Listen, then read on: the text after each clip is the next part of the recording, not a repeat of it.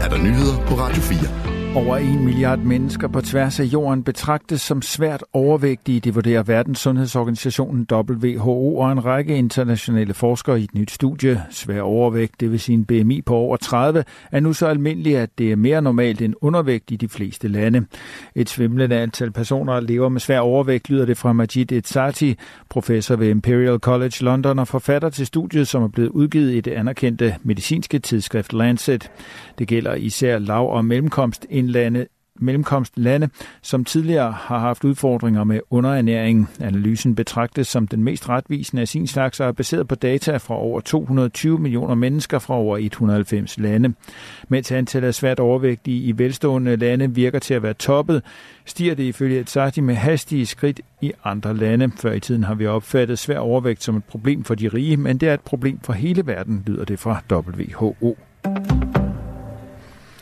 Efter en sløj start på året kom bilsalget der i omdrejninger i februar. Tal fra danske bilimportører viser, at der blev indregistreret 11.000 biler i månedens løb, hvilket er 3% lavere end året før. Det er dog væsentligt bedre end januartallene, der lå 15% under niveauet året for inden.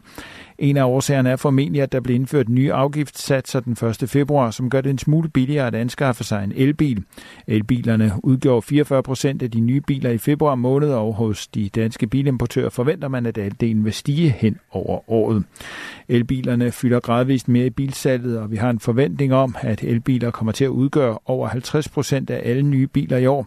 Det gavner den grønne omstilling, siger Mads Rørvig, der er administrerende direktør for de danske bilimportører. Skattestyrelsen har siden 2021 sendt ekstra momsregninger til små og mellemstore selskaber for 191 millioner kroner, det oplyser Skattestyrelsen. Regningerne er sendt som led i et kontrolprojekt, hvis formål er at holde ekstra øje med problematisk momsadfærd i netop sådanne virksomheder. Specifikt gælder det selskaber, som en eller flere gange slet ikke har angivet deres moms, selskaber, som har fået afvist deres ansøgning om momsregistrering, eller selskaber, der helt eller der helt er blevet tvangsafmeldt momsregistreringen. Det er selvfølgelig ikke i orden, når et selskab fortsætter driften, selvom Skattestyrelsen har inddraget dets momsregistrering, siger fungerende selskabsskattedirektør Kim Tolstrup fra Skattestyrelsen.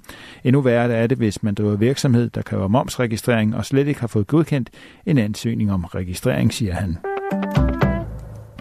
En amerikansk budgetaftale, der forlænger finansieringen af det føderale statsapparat, er natten til i dag dansk tid blevet stemt igennem i senatet, det skriver nyhedsbruget Reuters.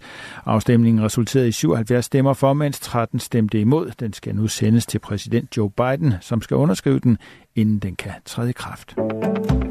Meta, der ejer de sociale medier Facebook og Instagram, siger, at selskabet ikke længere kommer til at indgå kommersielle aftaler vedrørende traditionelt nyhedsindhold i Australien, Frankrig og Tyskland.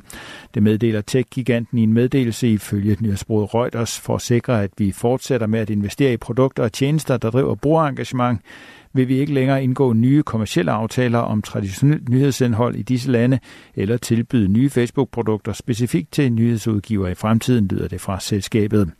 Facebook-ejeren har flere gange været oppe at toppes med Australien, fordi landet kræver, at selskabet betaler udgiverne for deres indhold. Metas beslutning om ikke længere at betale for nyhedsindhold i et flertal af jurisdiktioner repræsenterer et svigt af bæredygtigheden for australske nyhedsmedier, siger Australiens vicefinansminister i en udtalelse. En østrisk domstol har idømt en 33-årig kvinde 20 års fængsel for drabsforsøg, frihedsberøvelser for tortur eller misrygt.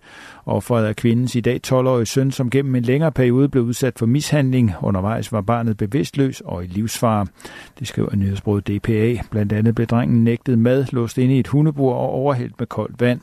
Da barnet på et tidspunkt blev bragt til et hospital, var hans kropstemperatur under 27 grader, og drengen havde mistet bevidstheden. Flere af overgrebene blev optaget på video. Også morens kvindelige ekskæreste er dømt i sagen. Hun gav angiveligt ordre om mishandlingen og blev idømt 14 års fængsel. Dommeren i sagen begrunder de lange fængselsstraffe med, at de to kvinder stort set har ødelagt barnets liv, og at de har nedbrudt ham psykisk. Selv har den 33-årige mor forklaret, at hun blot har forsøgt at opdrage sin angiveligt aggressive og uvågne søn, skriver DPA. Mod vest skyet og mest tørt vejr, ellers mod øst lidt eller nogen sol, men der kan stedvis også være dis og tåge. Temperaturer mellem 5 og 10 grader, svag til jævn vind fra syd og sydøst, men om formiddagen ved kystnære områder lokalt op til frisk eller hård vind. Det var nyhederne på Radio 4. De blev læst og redigeret af Thomas Sand.